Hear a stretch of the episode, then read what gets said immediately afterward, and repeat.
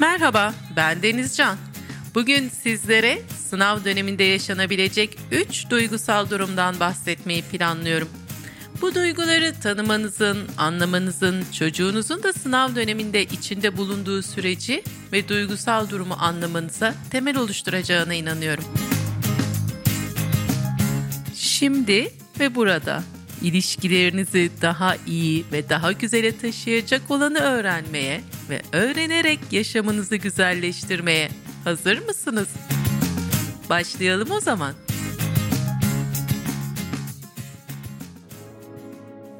Stres, korku, kaygı bu üç kavram genel olarak birbirine karıştırılabiliyor. Destek olabilmemiz için hangisinin etkisi altında olduğunu anlayabilmemiz çok önemli. Bazen normal bir sınav stresi endişeyle karıştırılabiliyor. Bazen de sınav kaygısı sanki sadece sınav korkusu gibi görülebiliyor. Aslında bu ayrımları öğrenmek kendi duygusal durumunuzu tanımak için de son derece önemli. O zaman bu yayını sadece çocuğunuzu anlamak için değil, aynı zamanda kendi duygularınızı anlamak için de dinliyor olabilirsiniz. Peki hangi duyguyla başlayalım? Stresle başlayabiliriz. Stres kişiyi rahatsız eden bir ortamda verdiği tepkidir diye kısaca söyleyebiliriz. Neler olabilir bu tepkiler? E, gerilmek, reddetmek, öfkelenmek gibi tepkiler çok kolay bir şekilde stres altındayken ortaya çıkabilir. Sınav ne kadar çalışılırsa çalışsın o anda karşılaşacak şeyin tam olarak ne olduğunu bilinememesinden kaynaklı olarak bir belirsizlik durumu yaratır. İstediği kadar düzenli çalışsın, istediği kadar verimli çalışma tekniklerini kullansın, beslenmesine, uyku düzenine dikkat etsin ama sınav günü sınavda ne ile karşılaşacağı konusu her zaman için bir muammadır o gün başına bir aksilik gelmesi ya da sınav sorularının çok zor gelmesi gibi durumlar belirsizliği yaratan koşullardır. Kendisi dışarında ortaya çıkmış olan diğer insanlardan kaynaklı olan koşullar belirsizliği yaratıyor. Bu belirsizlik karşısında da rahatsız eden bir sürecin ortaya çıkması çok normal. Bu dönemde çocuğunuz biraz agresifleşiyor, hırçınlaşıyor ve normal duygu durumunun dışında tepkiler veriyorsa streste olduğundan bahsedebiliriz. Böyle bir dönemin sınavların bitişine kadar süreceğini kabul etmek sizi daha ılımlı bir duruma sokar. Çünkü o belirsizlik ortadan kalkmadığı sürece yani onu rahatsız eden belirsizlik sürdüğü sürece stresi de sürecektir.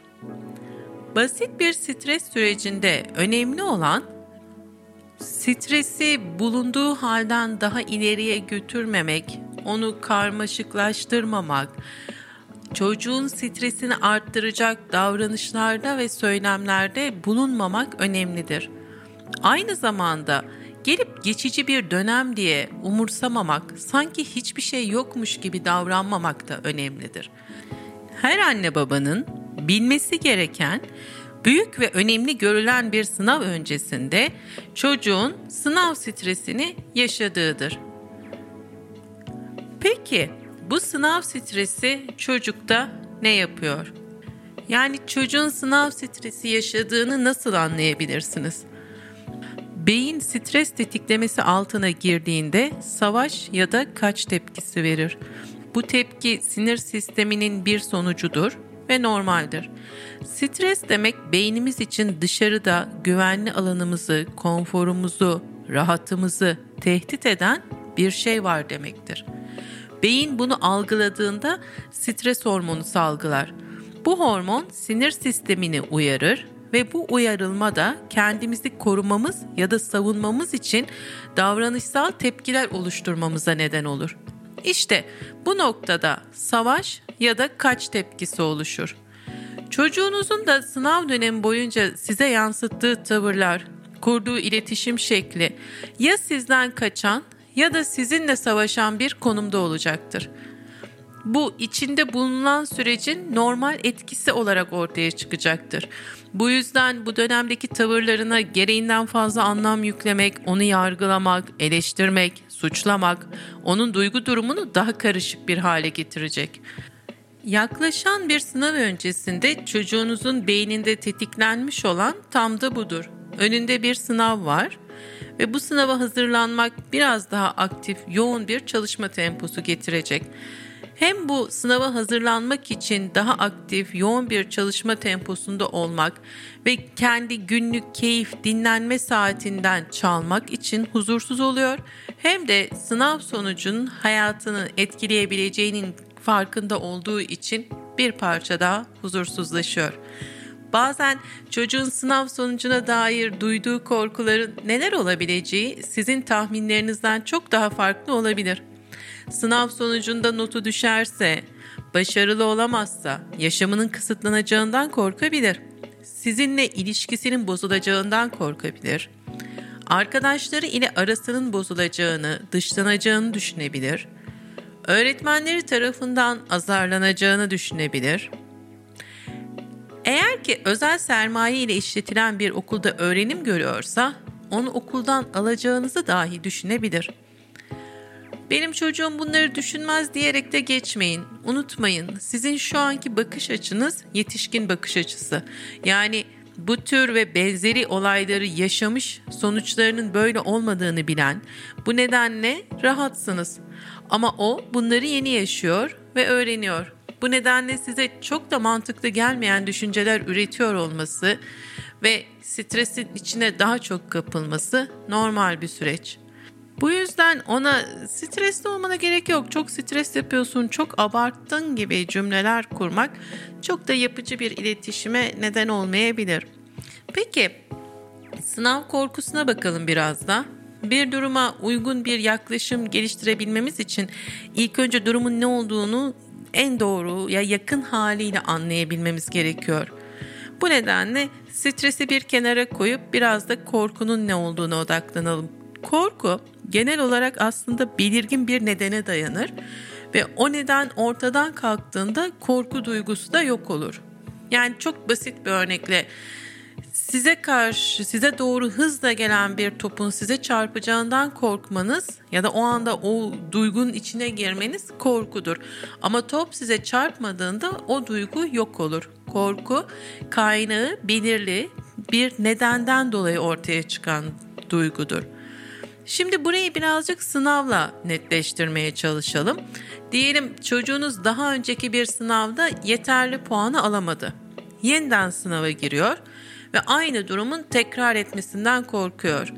Yani bir kez daha yeterli puanı alamayacağı düşüncesiyle boğuşuyor. Bir de yaklaşan yeni sınavın nasıl olacağı, o sınavın geliyor olmasından dolayı da korkuyor. Burada e, öğrenilmiş bir korkuyla beraber ve e, diğer korkuyu bir arada görebiliriz. Bu nedenle e, sınav süreci birazcık daha zorlayıcı ve çalışma konusunda daha olumsuz bir yaklaşım sergiliyor olabilir. Buna kaba taslak sınav korkusu diyebiliriz. Çocuklar başarısız olmakla ilgili dıştan gelen bir yönlendirme ile korku duygusu tetiklenirse başarısız olma korkusu oluşmaz. O daha çok kaygı ile ilgilidir. Çocuk daha önce herhangi bir sınavda başarısızlık deneyimlemediyse başarısız olma korkusu yoktur. Başarısız olacağı inancıyla sınav hakkında endişeleniyor ve gereğinden fazla stres yaşıyordur. Ve bu sürecin yönetiminde dikkatli olunmazsa bu durum sınav kaygısına doğru ilerleyebilir. Hata yapmaktan korkan ya da genel olarak kaygılı bir yapıya sahip olan çocuklarda sınav kaygısının diğerlerine göre daha fazla deneyimlerler. Mesela eskiden ve belki hala bazı yapılarda erkek çocuklarının matematikte kızlara göre daha başarılı olduğunu inanılırdı. Bu düşüncenin öğretildiği, aktarıldığı kız çocukları ise matematik sınavı öncesinde daha çok endişe ve stres yaşardı. O zaman bu kız çocuğu doğal olarak matematik sınavı öncesinde sınav kaygısının eşiğinde geziniyordu diyebiliriz. Burada anlattığımdan anlayabileceğiniz gibi kaygı daha çok gerçek ve somut bir nedene bağlı olmadan oluşturulan olumsuz düşüncelerin etkisiyle ortaya çıkıyor. Nedir gerçek ve somut duruma bağlı olmayan düşünceler? İşte bir önceki örnekte olduğu gibi erkeklerin matematikte daha başarılı olması. O, veya o kadar çok örnek verebiliriz ki bu konuda bir sınavı görmeden onun çok zor olacağına inanmak. Çalıştığı halde kesin başarılı olamayacağım düşüncesinde olmak. Sınavı geçemezse hayatının tamamen bozulacağı ve bir daha istediği hiçbir şeyi elde edemeyeceğine inanmak. Bunların hepsi kaygı doğuran düşüncelerdir ve kaygıdan kaynaklı düşüncelerdir aynı zamanda. Hmm, daha da çoğaltabiliriz bunları. Mesela sınavın hayatının temeli olduğuna inanmak, ona bu düşüncenin aktarılması, empoze edilmesi, sınava gereğinden fazla anlam yüklenmesi, ailelerin sınav üzerinden, sınavın anlamı üzerinden, öğretmenlerin benzer şekilde sınavı çocuğun gözünde çok büyütecek şekilde yorumlarda bulunması sınav kaygısını tetikleyen süreçler yaratır. Nasıl yaratıyor bu süreci? Çünkü bir durum daha gerçekleşmemiş ve onunla ilgili olumsuz düşünceler ortaya çıkmış. Şimdi sokağa çıktığınızda düşeceğinizi düşünürseniz sokağa çıkmaktan da korkarsınız. Sokağa çıktığınızda başınıza geleceklerle ilgili kaygı da yaşamaya başlarsınız. Bu bununla ilgilidir. Bunların çoğunun gerçek yaşamla hiçbir ilgisi yoktur. Sadece düşünsel boyutta vardır. İnanıp bunların peşinden gitmezseniz çoğu zaman gerçekleşmezler. Yani kız çocuklarının matematikte başarısız olacaklarına inanmazlarsa matematikte başarılı olmaları daha kolay olur. O zaman verimli çalışma teknikleri, düzenli çalışma, sağlıklı beslenme gerçek anlamlarını bulur ve ortaya çıkar. Ama ne yazık ki düşünceler öyle duygusal bir karmaşa, inanç sistemi yaratıyor ki öğrencinin duygu durumunu oldukça yoğun bir olumsuzluk içinde etkileyebiliyor. Kaygı aslında stresin ve korkunun olumsuz sonuçlarından birisi. Stres çok uzun süre sürdüğünde ve bir sonuca ulaşmadığı zamanlarda da kaygıya dönüşebilir. Yani beyin çok uzun süre stresin altında kaldığında olumsuz düşünceler üretme eğiliminiz artıyor ve bu olumsuz düşünceler de sizde kaygıyı tetikleyebiliyor. Benzer bir şekilde çocuğunuzda da aynı süreç işliyor. Kaygıyı bu haliyle de stres ve endişenin katmanlı bir hal almış hali gibi görülebilir. Bir öğrencinin kaygısal bir duruma girmesi sadece stres kaynaklı değildir. Stres bu duruma eşlik eder sadece. Yayının başında anlattığım gibi stres savaş ya da kaç tepkisi ile görülür. Bu da ona benzer düşünceler oluşturmaya neden olur.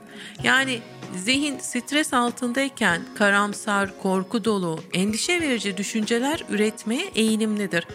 Beraberinde çevresel etkilerle bu tetiklenir ve olumsuz düşüncelerin aktarılması ve olumsuz düşünceler ürettirilmesi bir şekilde teşvik edilirse kişinin sürekli kaynağı, gerçekliği belirsiz bir korku sürecine bağlanmasına neden olunur.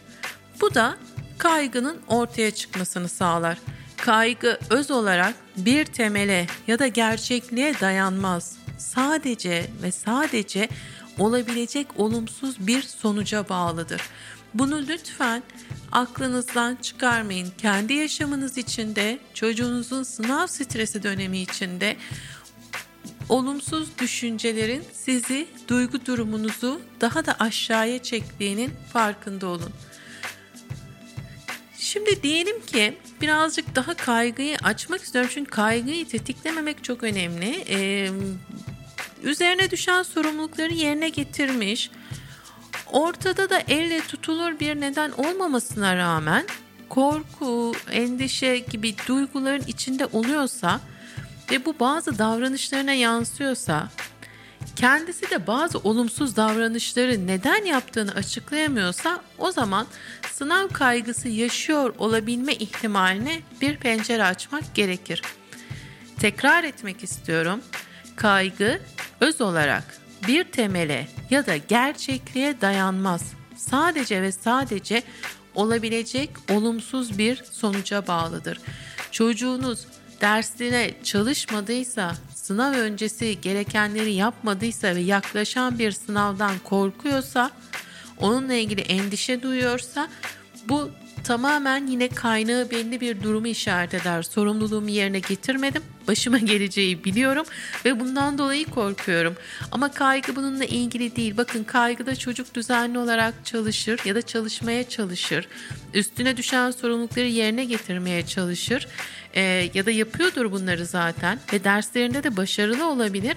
Ama buna rağmen sınav yaklaşırken sınavda başarısız olacağına dair bir korku yaşıyordur. Bunu buraya kaygı diyoruz. Şimdi önünde bir sınav varsa ve o sınavla ilgili sorumluluklarını yapmak istiyor ama yerine getiremiyorsa yani ders çalışmak istiyorsa e, ama oturduğunda çalışamadığını söylüyorsa o zaman da bir sınav kaygısından söz edebiliyoruz.